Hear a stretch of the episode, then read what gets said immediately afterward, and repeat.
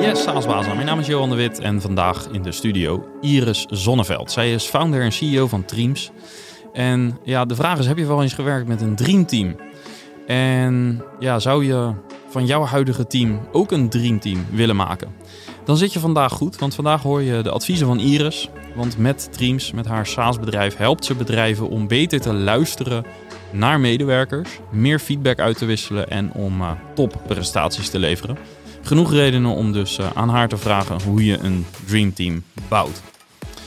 Ja, en voordat we naar het interview gaan, nog een uh, kort bericht van onze sponsor Leadinfo. Want heb jij Leadinfo nog nooit geprobeerd, is dit het moment. Want Leadinfo koppelt inmiddels met alle CRM-systemen die ik ben tegengekomen in, uh, in B2B SaaS. En daarmee zie je dus precies welke bedrijven jouw website bezoeken. En met slimme tools kun je ook eenvoudig instellen dat deze bezoekers in jouw CRM terechtkomen. Ga naar leadinfo.com slash saasbazen om meer te leren over die oplossing. Ja, en helemaal tot slot voordat we naar het gesprek gaan. Dit jaar staan er weer uh, twee grotere events op het programma. Allereerst de Saasbazen Barbecue op 22 juni van dit jaar, 2023 dus. Dan uh, gaan we met de community lekker barbecuen in Loosdrecht. Er zijn nog een aantal uh, tickets beschikbaar. Ga even naar saasbazen.nl en klik op barbecue. En op 8 november van dit jaar organiseren we de Benelux SaaS Summit. En dat is een event waar we een volle volledige dag gaan hebben over alle thema's op het gebied van SaaS. Of dat nou over sales, marketing, product development, pricing, finance, fundraising. Alles komt voorbij. Er zijn uh, interessante sprekers. Er zijn uh, diverse workshops.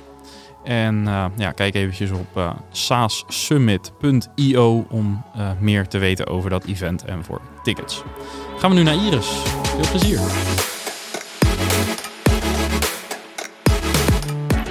Ja, Iris, welkom. Dankjewel.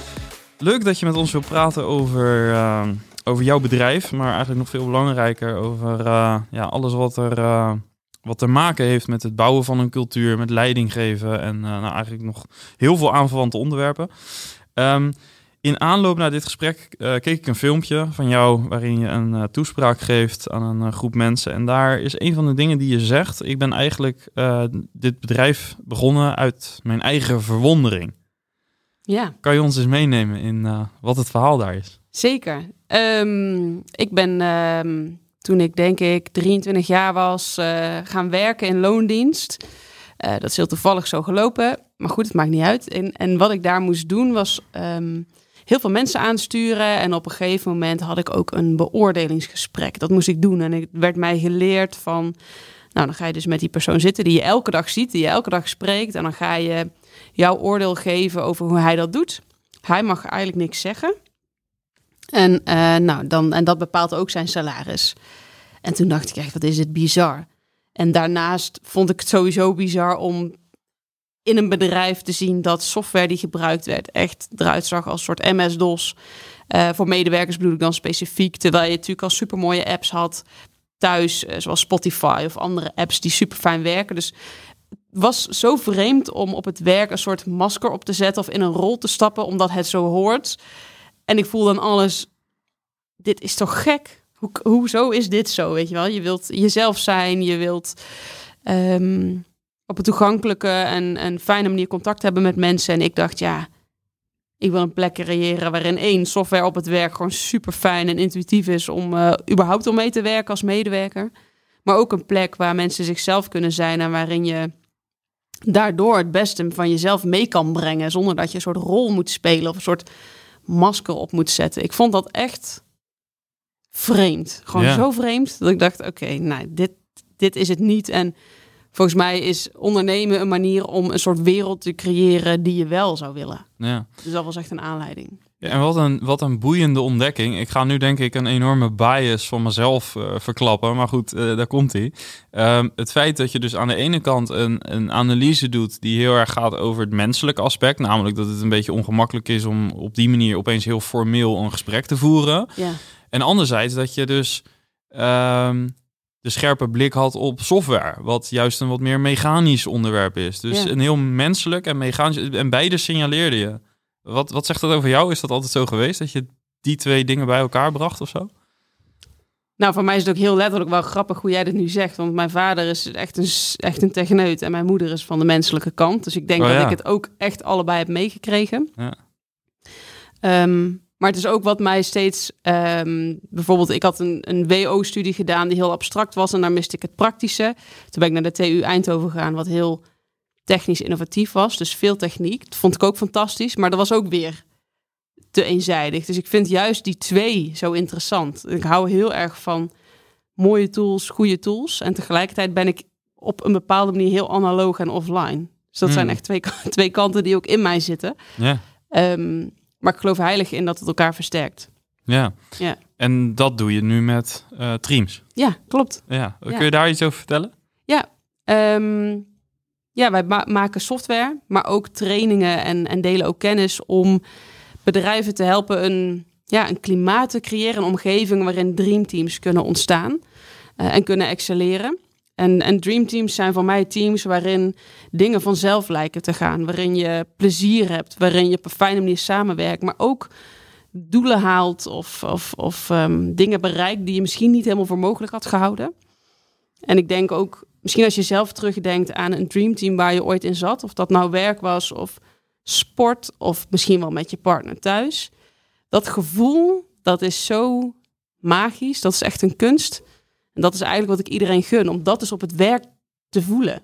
Dat je dus, dat het beste van jezelf gezien wordt, dat je dat kan geven en dat dat in een geheel ook, nou ja, bewijzen van opstijgt. Dat vind ik heel erg vet. En dat is, ehm, waarin ik ook denk dat zowel software, dus een bepaald proces en handelingen die je daarin doet, een bepaalde routine nodig is, maar ook eh, ja, die menselijke kant die wij bieden met bijvoorbeeld training en begeleiding. Ja. Dus het is, het is allebei. Ja.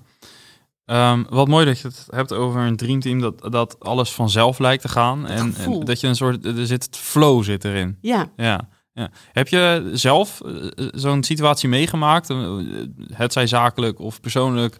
Ja Waar wel je op verschillende herkent? vlakken. Ja. Zowel ehm, toen ik jonger was, bijvoorbeeld in sport, dat je, ehm, ja, er was een team, ik basketbalde en er waren van die wedstrijden dat alles vanzelf ging, weet je wel, dat de punten bleven maar komen en dat gevoel is soort onoverwinnelijk. Dat is zo fijn. Ehm, wat ik heel interessant vond toen al, van hoe, hoe ontstaat dit nou, weet je wel? Want het is niet iets wat je kunt afdwingen, eh, maar het wel, wel iets waar je misschien de optimale voorwaarden voor kunt scheppen. Maar ook op het eh, op zakelijk vlak. Dus in Dreams, we hebben fases gehad die heel pittig waren. Maar we hebben ook fases ehm, waarin we heel erg die stijgende lijn met elkaar hebben eh, gepakt. Eh, waardoor alles vanzelf lijkt te gaan. En, en je ineens voelt van, hé, hey, weet je wel, we zitten in een goede golf. Ja. Oh, heerlijk. Ja, daar kan ik echt van genieten. Ja. En heb je dat toch op een bepaalde manier kunnen ontleden? Wat dan de bestanddelen zijn van zo'n Ja. winning team? Ja, ja ik denk, ehm er zijn een aantal dingen.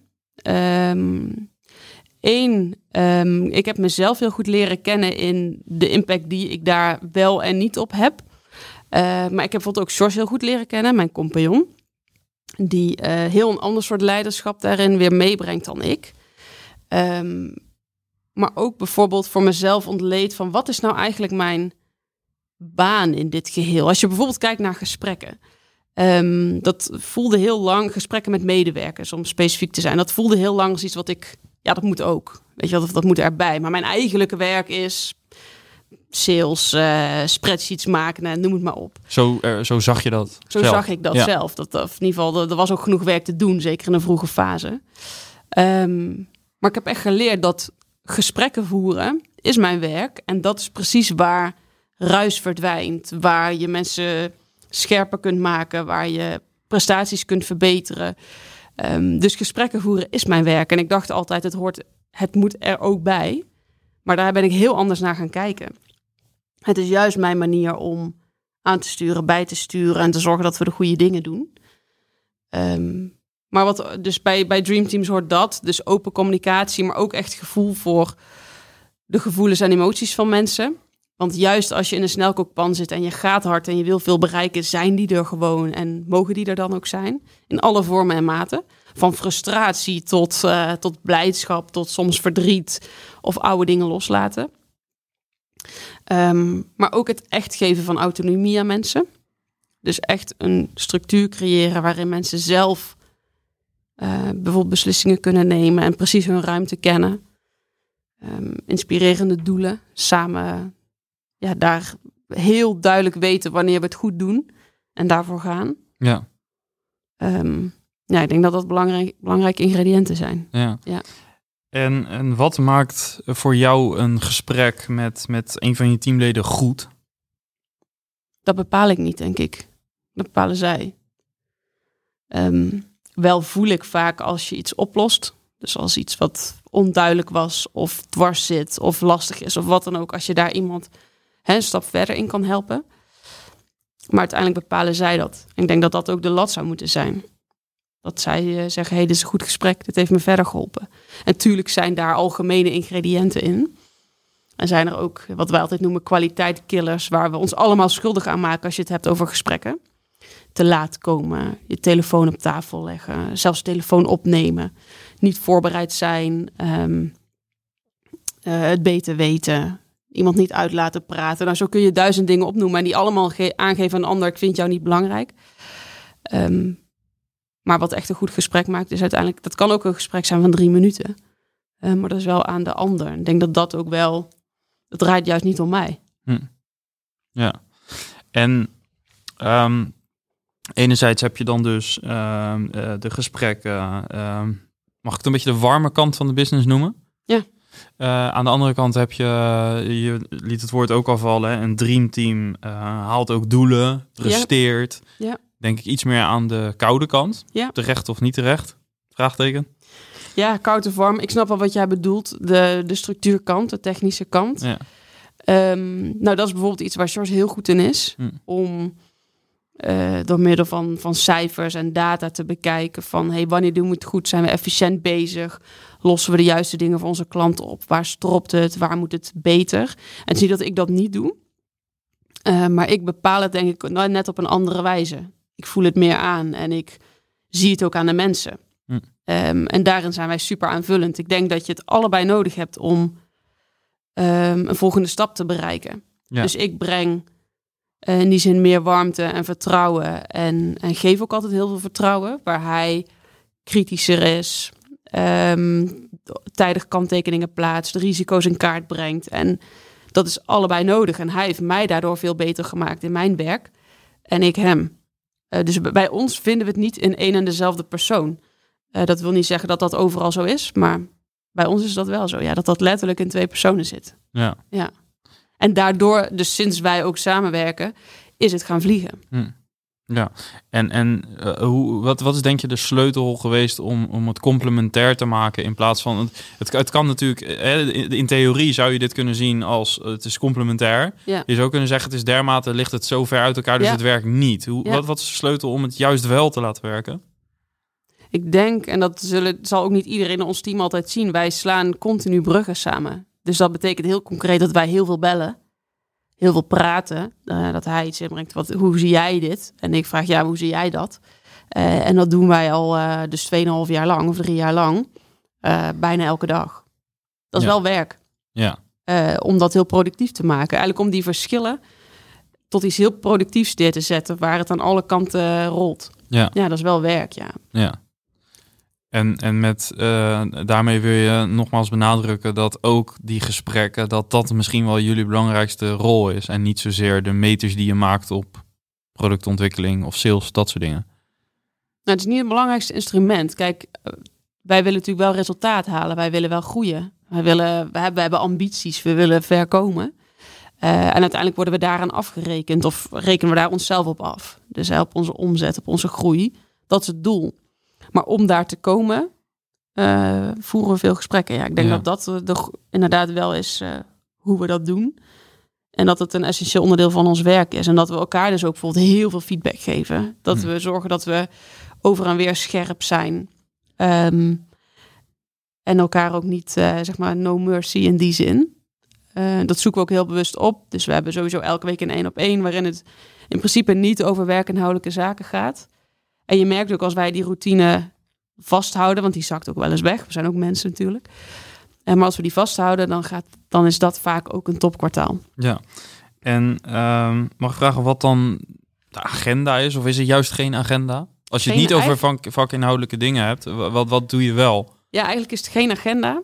Eigenlijk is het letterlijk hoe is het met jou, Hm. maar dan e- echt. Ehm, en we zeggen ook wel eens tegen elkaar van we moeten dan ook echt uit die haast stappen om dat gesprek te voeren. Dus we blijven ook steeds zoeken wat is nou een goed moment in de week. Ja, eigenlijk is die er niet altijd. Soms wandelen en bellen we ook. Dat voelt wel fijn.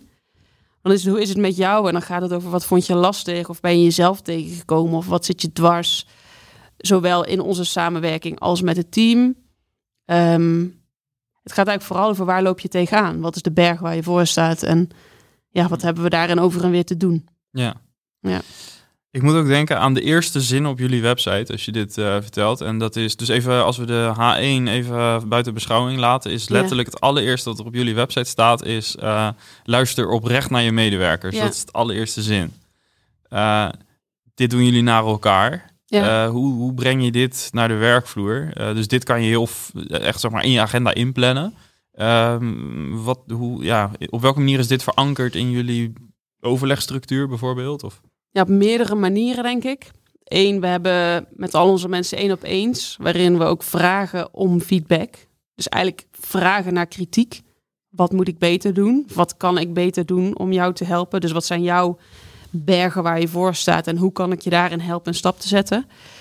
We vragen dit ook gestructureerd via onze tool uit. Dus dan vragen we anoniem aan mensen op allerlei thema's, zeg maar van beloning tot werkdruk tot diversiteit. eh, ja, wat hun gedachten daarin zijn.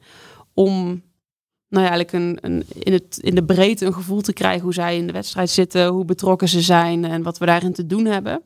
Het voordeel daarvan is dat je, eh, nou, dat, doordat we dat gestructureerd doen, hebben we over de volle linie eigenlijk dat in beeld. En weten we ook veel eerder welke dingen mogelijk gaan spelen. En dat is anoniem, maar dat is ook een vorm van luisteren, vind ik. Maar een andere vorm is bijvoorbeeld, wij hebben elk kwartaal een, eh, een kwartaaldag of een teamdag. Waarin we met alle teams eh, de hei op gaan. Ehm, en waarin we 's ochtends een wrap-up doen van het kwartaal. Dus dan ronden we het kwartaal af. Dan heeft iedereen gereflecteerd, nagedacht over wat waren nu mijn successen, mijn lessen. Wat vond ik lastig en wat ging supergoed. En daar hoor je zoveel dingen. ehm, niet alleen van mensen individueel, maar ook patronen waar wij als team in zitten. Die beter kunnen of beter moeten. Of die juist heel goed gaan die we willen uitvergroten. Eh, dat is echt een dag van luisteren, maar waar we altijd sleutels oppikken om voor een kwartaal nog grotere stappen te zetten. Dus we maken echt Ja. tijd. En dat is echt wel lastig. Maar we maken wel echt tijd om te luisteren en om hun te laten vertellen. Eén, hoe wij het doen, maar ook waar kansen voor ons liggen. Ja. Dat weet het team uiteindelijk misschien nog wel beter. Eh, je noemt al een aantal dingen die het jullie heeft opgeleverd. Hè? Deze, ehm, ehm, ook jullie eigen tool dus. Eh, maar Ja. eh, practice what you preach. Ja, Ehm, zijn er andere dingen van die, die je kunt noemen, misschien bij jullie zelf intern of grote veranderingen die jullie zien bij klanten, wellicht die jullie tool implementeren, die er optreden op het moment dat je hier dus echt letterlijk tijd in gaat investeren? Het geeft, ik denk een hele grote winst is dat het je heel veel zicht geeft op je blinde vlekken. Dus we zijn allemaal gekleurd, dat weten we. We zijn bijvoorbeeld geneigd om meer mensen aan te nemen die op ons lijken. Eh, maar het is heel interessant om je eigen blinde vlek, als het gaat om je medewerkers en hoe je daarover denkt, letterlijk in kaart te brengen. Van, van jouw eigen beeld, wie er talent heeft, tot waar je als werkgever werk te doen hebt. Ik denk de essentie is, laat medewerkers dat vertellen. Zij zijn daarin jouw oordeel, zoals jouw klanten een oordeel vellen over hoe goed je product is of je dienst. Ja, Ehm, hebben jouw medewerkers dat eh, oordeel over je organisatie? Dus ook als je zegt, hè, ik wil een goede organisatie bouwen, jij laat het hen vertellen, want zij weten het. En ik denk dat een hele grote winst daarin is dat je blinde vlekken eh, dus ziet, maar daarmee ook kunt oplossen. Ehm, en ik ben er heilig van overtuigd dat als die medewerkers, als zij echt lekker in hun vel zitten, dan kunnen zij nog veel meer doen dan je zelf dacht. Weet je wel, dan gaan zij zorgen voor nog meer klanten, blijere klanten, betere ideeën voor innovaties. Dat zien wij heel concreet terug. ja, Dus dat je veel ja, wendbaarder bent en veel sneller kunt, eh, kunt inspelen op, op kansen bijvoorbeeld of, of dingen die zij tegenkomen. ja.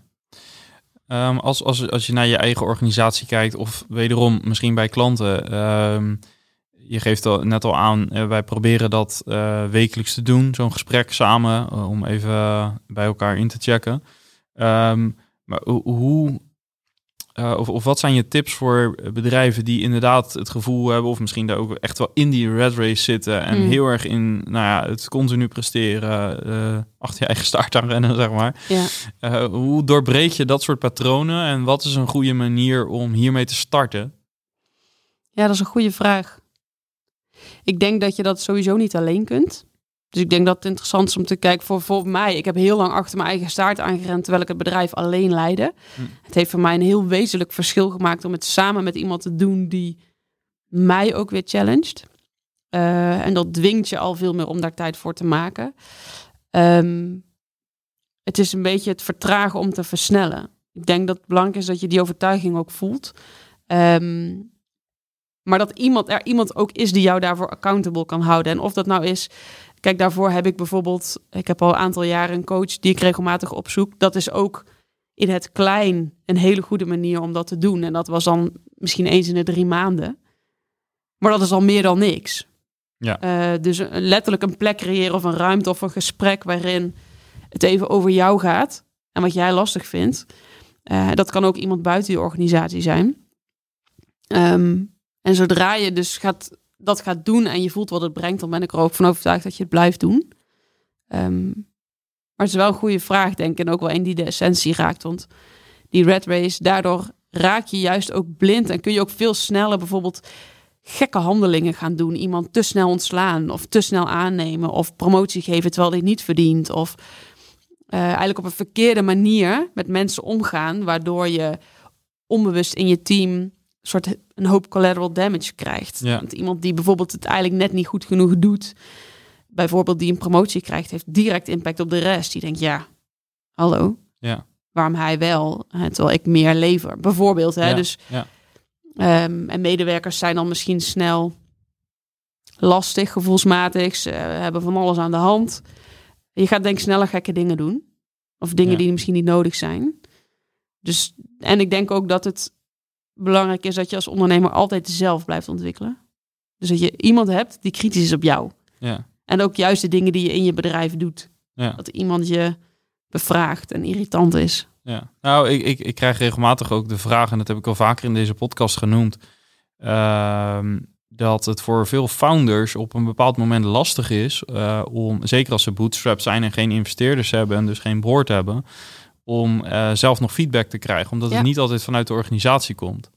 Als ik jou zo hoor, is het feit dat er geen feedback vanuit je organisatie komt, dat, en dat is eigenlijk met alles zo, dat is eigenlijk je eigen verantwoordelijkheid. Ja, Jij helaas moet, wel. dat, jij moet dat faciliteren. Ja, helaas wel. Ja, En dat heeft natuurlijk te maken, je hebt een bepaalde positie. ja, Maar je kunt dat wel heel goed creëren. Je kunt onwijs veel feedback krijgen uit je team. Idealiter krijg je het zelfs twee, drie keer per week. Dat zou Ja. de norm moeten zijn. Hm. En dat kan op hele kleine dingen zijn. Dat kan op grote dingen zijn. Maar idealiter is er een structuur. En, en wen je het jezelf aan om hen te vragen. eh, wat moet er beter? Wat kan ik doen om jou te helpen? Of eh, ga je ook op zoek naar de problemen? Dat leidt ook tot heel veel creativiteit. ja. Dus op het moment dat, eh, dat fouten heel zichtbaar zijn of problemen heel zichtbaar zijn, ja, daar, daar zit je, je bron. Ja. En, en hoe balanceer je die kwetsbaarheid enerzijds en dus het, het vragen om feedback met aan de andere kant ehm, er echt eh, staan als leider en ook ehm, ja, de, de- de, zeg maar echt krachtig leiderschap te tonen? En voor mij zijn dat twee dezelfde dingen. Hm. Ehm, is het juist krachtig om te laten zien dat, ook al ben je misschien uh, ogenschijnlijk, ehm, dat jij ook maar een nerd bent en een mens en iemand die zijn best doet. Ehm, en daarin kwetsbaar is. Dus zich openstelt voor kritiek, maar soms letterlijk ook kwetsbaar in de zin van ik weet het niet of ik heb het zelf nu even heel moeilijk. Ik denk dat Dat, dat, zeg jij, dat- jij. Jij kan dat aangeven naar je team. Ja, zeker. Ja. En er zijn ook fases geweest dat ik het privé heel moeilijk had. Dat wist iedereen. en, eh, was ook heel zichtbaar aan mij.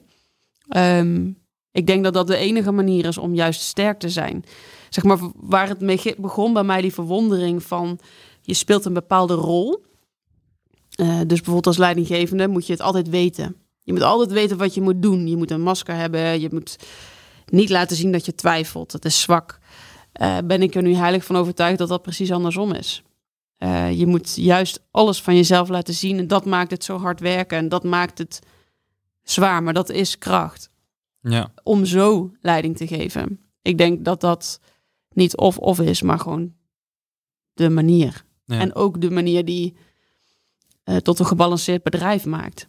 En, en, en hoe uh, communiceer je dat naar buiten? Want uh, ik, ik, ik kan me voorstellen dat binnen je eigen bedrijf, dat je daar natuurlijk ook heel veel invloed op hebt door zo open te zijn. En dit is een cultuurding. Hè? Als je dit zo in, binnen je organisatie bouwt dan, en, en ook je hiring daarop aanpast, dan kun je dat waarschijnlijk ook echt zoals jij gedaan hebt in je bedrijf faciliteren. En dat iedereen ook waardeert dat jij het een keer niet weet. Mm -hmm. hoe werkt dat in de, naar de buitenwereld, waar je die controle eigenlijk veel minder hebt? Precies hetzelfde. Mm. Ik ben daarin niet anders. Mm. Ik ben niet anders nu bij jou als bij mijn team, als bij een klant aan tafel, als voor een kick-off met duizend medewerkers, als thuis. Dat klinkt misschien heel vreemd, maar dat is, het is ook wat ik, als ik een deep dive geef aan leidinggevenden, inspireer ik hen altijd om dit te doen.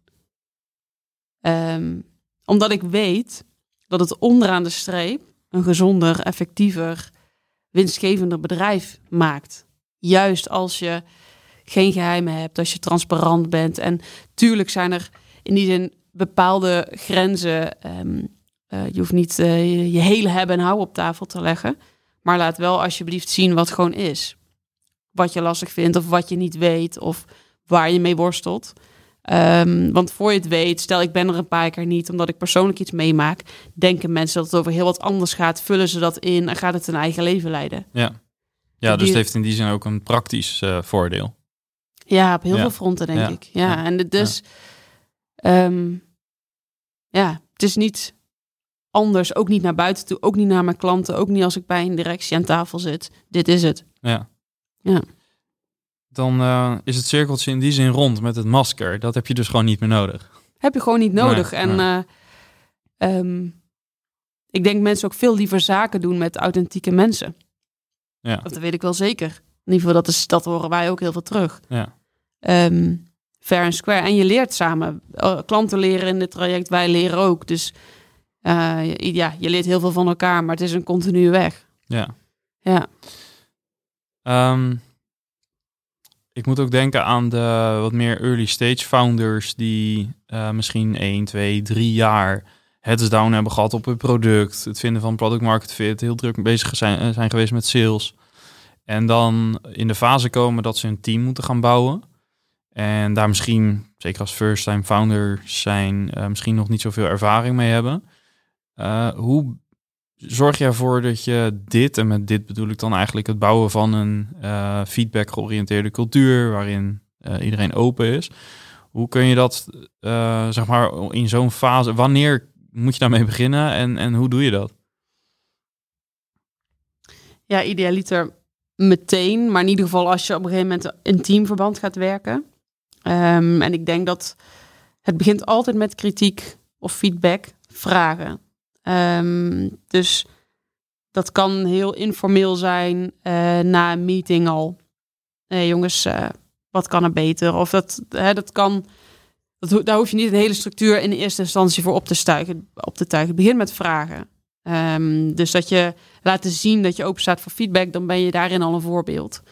Ehm, en daarna denk ik dat je heel mooi kunt gaan kijken van hoe kunnen wij dus een ritme vinden. Wij hebben dat al heel vroeg gedaan met dat kwartaalritme. Dat doen we echt al jaren. En dat, die formule is steeds verder uitgebreid, maar dat je een kwartaal echt samen afsluit en ook weer begint met een kick-off, met een nieuw kwartaal. Ja. Ehm, dat kun je al doen als je heel klein bent. Eh, dat kan gewoon op kantoor, dat hoeft geen resources te kosten. Je kan in eerste instantie gewoon een ochtend pakken. Eh, maar probeer dat te reflecteren. Dus we willen allemaal doelen halen. Maar hoe vaak kijk je nou eens terug, waarom is het niet gelukt? Of waarom is het wel gelukt? Misschien nog interessanter. Eh, veel te vaak kijken we niet achterom. Want zitten we in die race vooruit. Ja. Terwijl daar zit, en je hoeft niet alleen maar terug te blikken, maar daar zit vaak heel veel goud. Oké, als je nou eens kijkt naar tien eh, deals, waar kwamen de leads nou echt vandaan? Weten we dat zeker? Dus wat moeten we groter maken? Eh, maar dat zit, dus dat zit op alle fronten. Ik denk dat als je reflecteren introduceert, daar zit heel veel waarde in. Eh, ook wel om dat op te schrijven. Ik vond het heel mooi. In een van jouw vorige podcasts vertelde iemand over Calm Company. Dus dat zij alles schrijven. Ik geloof heilig in een deel van feedback dat het belangrijk is om het te schrijven. Omdat je echt gaat nadenken van wat moet er nou echt beter en waarom en wat geef ik jou dus terug. En ik ken mensen die hun feedback geschreven in hun tas bewijzen van meenemen. Om steeds weer zich eraan te herinneren. Oh ja, dit is de focus. Of dat moet ik doen. Of dat moet ik niet meer doen. Ja. Ehm, en ik denk dat dat allemaal dingen zijn die je juist al vroeg kunt gaan doen. En wat medewerker, wat ook een hele mooie manier is, juist om medewerkers aan te nemen. Dat je zegt, joh, je komt in een bedrijf werken. We hebben nog niet, we, hebben al heel veel geleerd. En tegelijkertijd hebben we nog heel veel te leren, want we zitten in een vroege fase. Ehm, maar we gaan in ieder geval dat samen doen. En gegeven is dat je bij ons ook heel veel kunt leren en ontwikkelen. Ehm, en wij gaan jou helpen om Ja. dat te doen. En we maken tijd eh, om in jouw ontwikkeling te investeren. En dat betekent dus niet, want waarschijnlijk is dat eh, niet altijd mogelijk, dat je ze naar cursussen of, eh, ehm, of trainingen stuurt. Maar wel teruggeven wat je ziet. En dat is, kan super kort. hey, ik zag jou die pitch voor die klant geven. Dit deel was top, dat moest beter.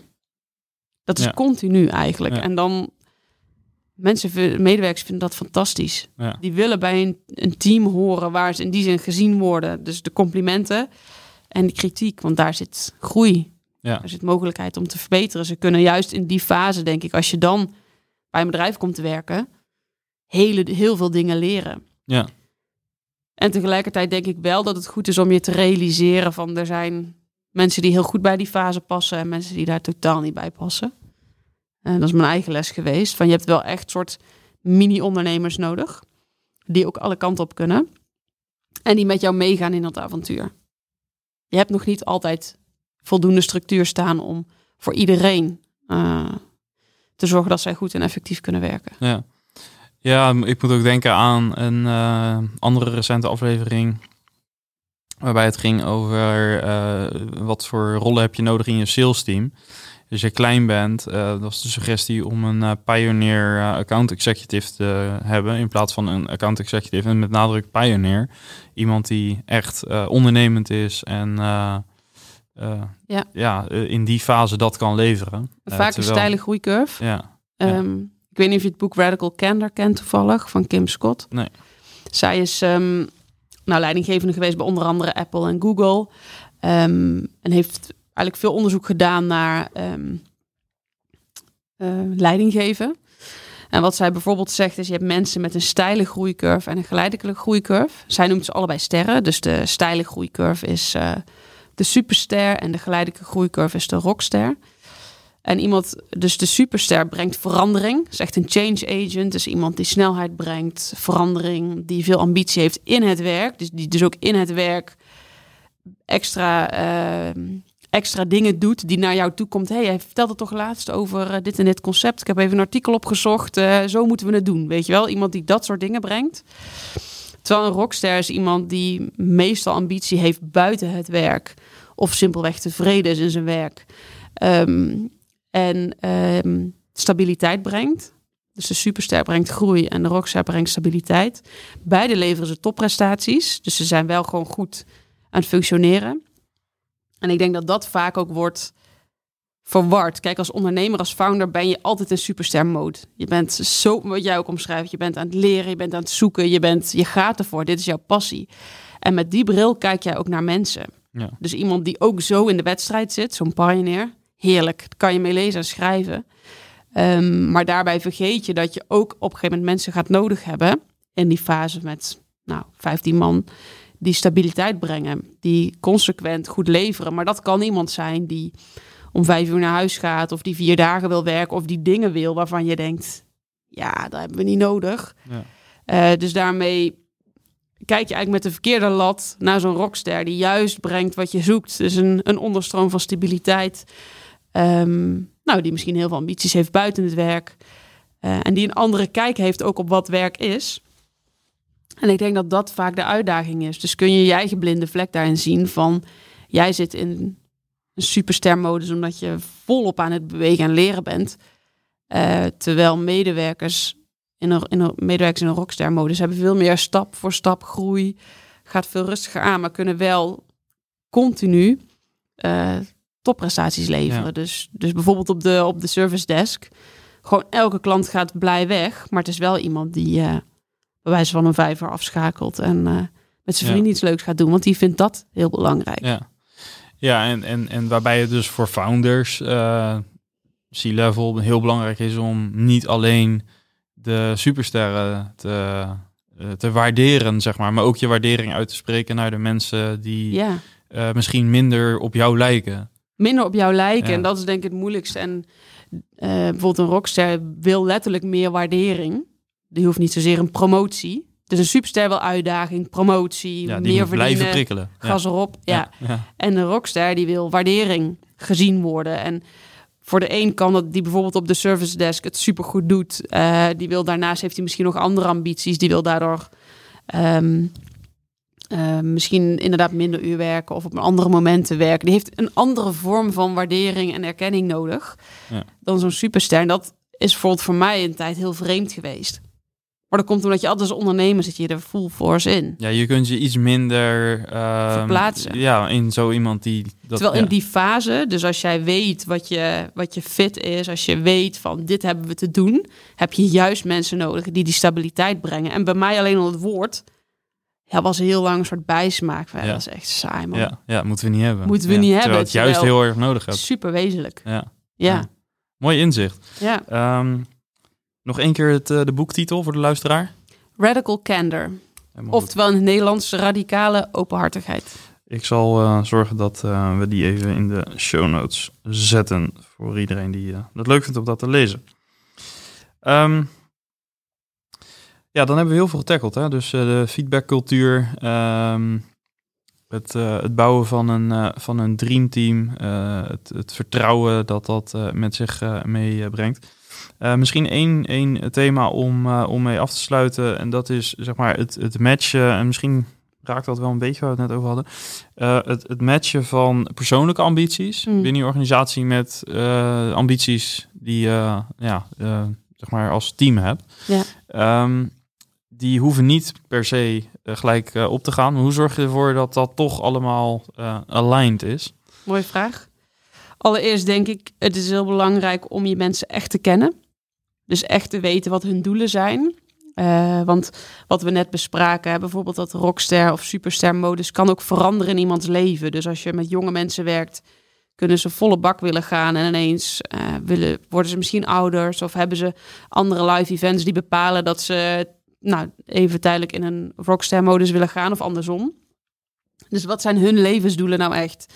Als je ze echt goed kent, vanuit die band kun je zoveel ja, sturen en invullen. Ehm, dus stel dat je er op een gegeven moment achter zou komen van iemands eigen ambitie is ofwel om zelf te gaan ondernemen of, of totaal iets anders te gaan doen. Jij hebt een softwarebedrijf en zij willen uiteindelijk een koffietentje.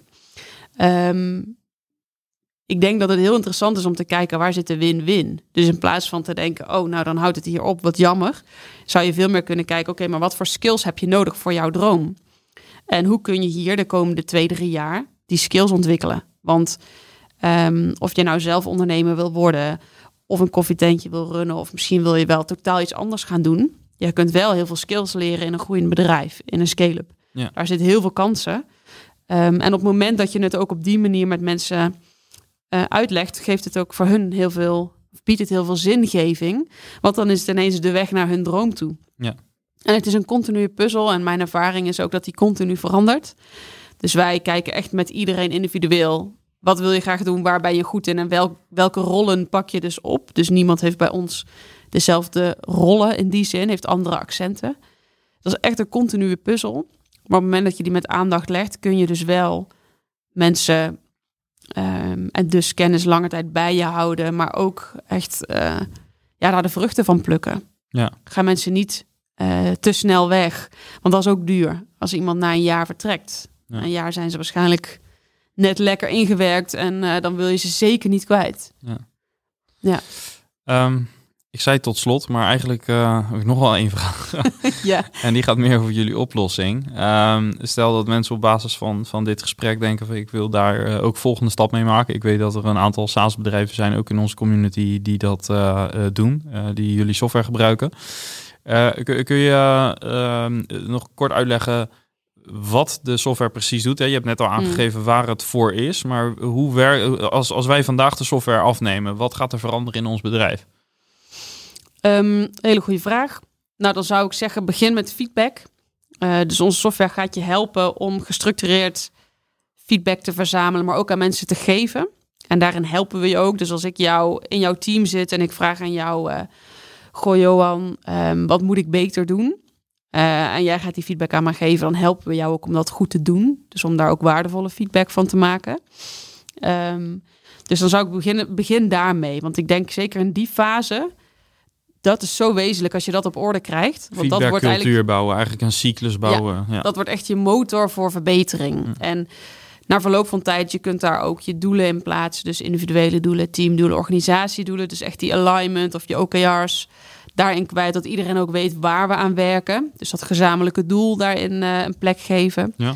Um, ook je wat meer formele gesprek, of in ieder geval zoals wij doen, de in-dienstverjaardag. Dus op het moment dat jij een jaar in dienst bent, uh, is een soort ritueel inmiddels geworden waarin we ook kijken van nou willen we jouw contract verlengen, maar zijn de arbeidsvoorwaarden überhaupt nog goed? En um, nou, het moment waarop we met elkaar afstemmen of we nog uh, op één lijn zitten. Dus ook dat kun je daarmee doen. Ja.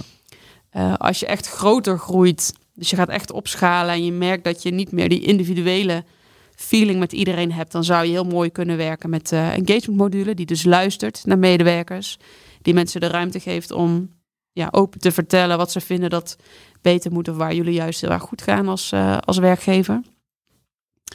Um, en echt wat meer advanced, als je verder zou groeien op dit vlak, kun je ook met mensen gaan kijken naar hun skills en hun perspectief, echt hun ontwikkelperspectief. Dus wie ben jij, wat zijn je sterke punten en waar zit voor jou het ontwikkelperspectief? Welke soort rollen uh, kun jij je ontwikkelen? Welk, welk pad is er eigenlijk voor jou? Ja. Um, om eigenlijk die groei van je bedrijf te verzilveren in de vorm van ontwikkelkansen voor je mensen. Ik denk als je dat voor elkaar krijgt als scale-up, ja, dat is goud. Want dat is ook precies wat je te bieden hebt. Je wil nieuwe markten aanboren, je wil misschien naar het buitenland. Uh, en dat zijn zulke mooie ja, projecten of, of bewegingen waarin je op individuele ambities weer kunt aanhaken. En dus idealiter is dat een compleet plaatje. Dus ja. van performance, weten hoe mensen doen, die, echt die development van mensen die wat een heel aantrekkelijk deel is van werken voor een start-up of een scale-up. Um, en die engagement als voorspeller voor hoe je het überhaupt doet als weggeven, voorspellen van je verloop, van je, um, ja, ook wel van je onderscheidend vermogen, denk ik, in deze uitdagende arbeidsmarkt. Ja. Maar klein beginnen, dus ja. um, en niks doen wat eigenlijk niet nu nog nodig is. Dus als je hm. zou zeggen, of aan mij zou vragen, waar zit de start, dan is het echt feedback. Ja. Feedback, persoonlijke feedback. Ja. ja.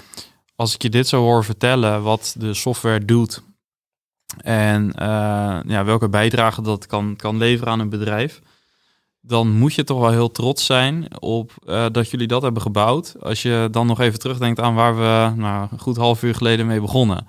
Over dat je nou, enerzijds vond dat software te clunky was, dat uh, ja. dat beter zou moeten. En anderzijds dat je eh, de, de, ja, binnen een bedrijf betere gesprekken wilde faciliteren, meer persoonlijke groei. Dan moet je heel trots op terugkijken, denk ik. Ja, dat is eigenlijk wel heel mooi dat je het zo zegt. Ja. Ik denk dat ik ook wel heel trots ben. Ja. ja door, door dat jij het nu zegt, denk ik ook, oh ja. Wow, dat is eigenlijk wel waar. Ja. Ja, ja we hadden het even ja. over, over, zeg maar, het hebben van een missie, persoonlijke ja. missie, bedrijfsmissie. En Um, soms neem ik die met een korreltje zout. Want ik denk van ja, het wordt vaak ook wel mooi in een PowerPoint gezet en uh, dat is het dan.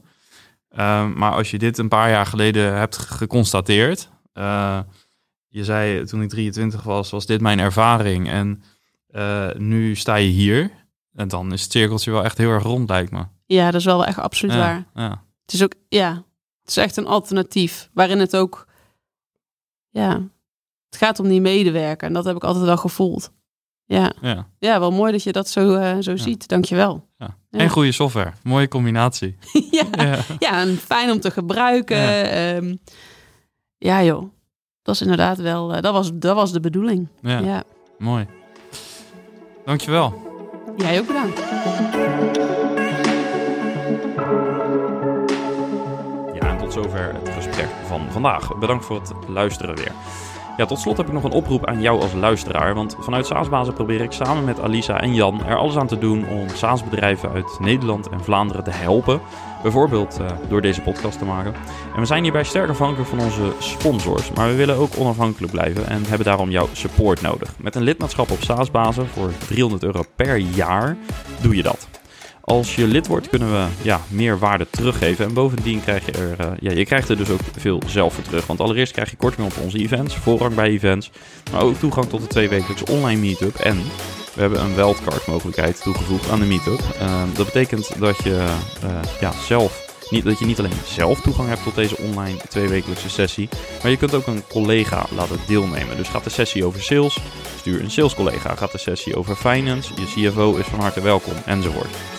Dus ga naar saasbazen.nl om je lidmaatschap af te sluiten. Daarmee help je ons en jezelf. En uh, ja, kunnen wij meer voor jou betekenen. Dank voor je support en volgende week staat er weer een nieuwe aflevering voor je klaar. Ciao!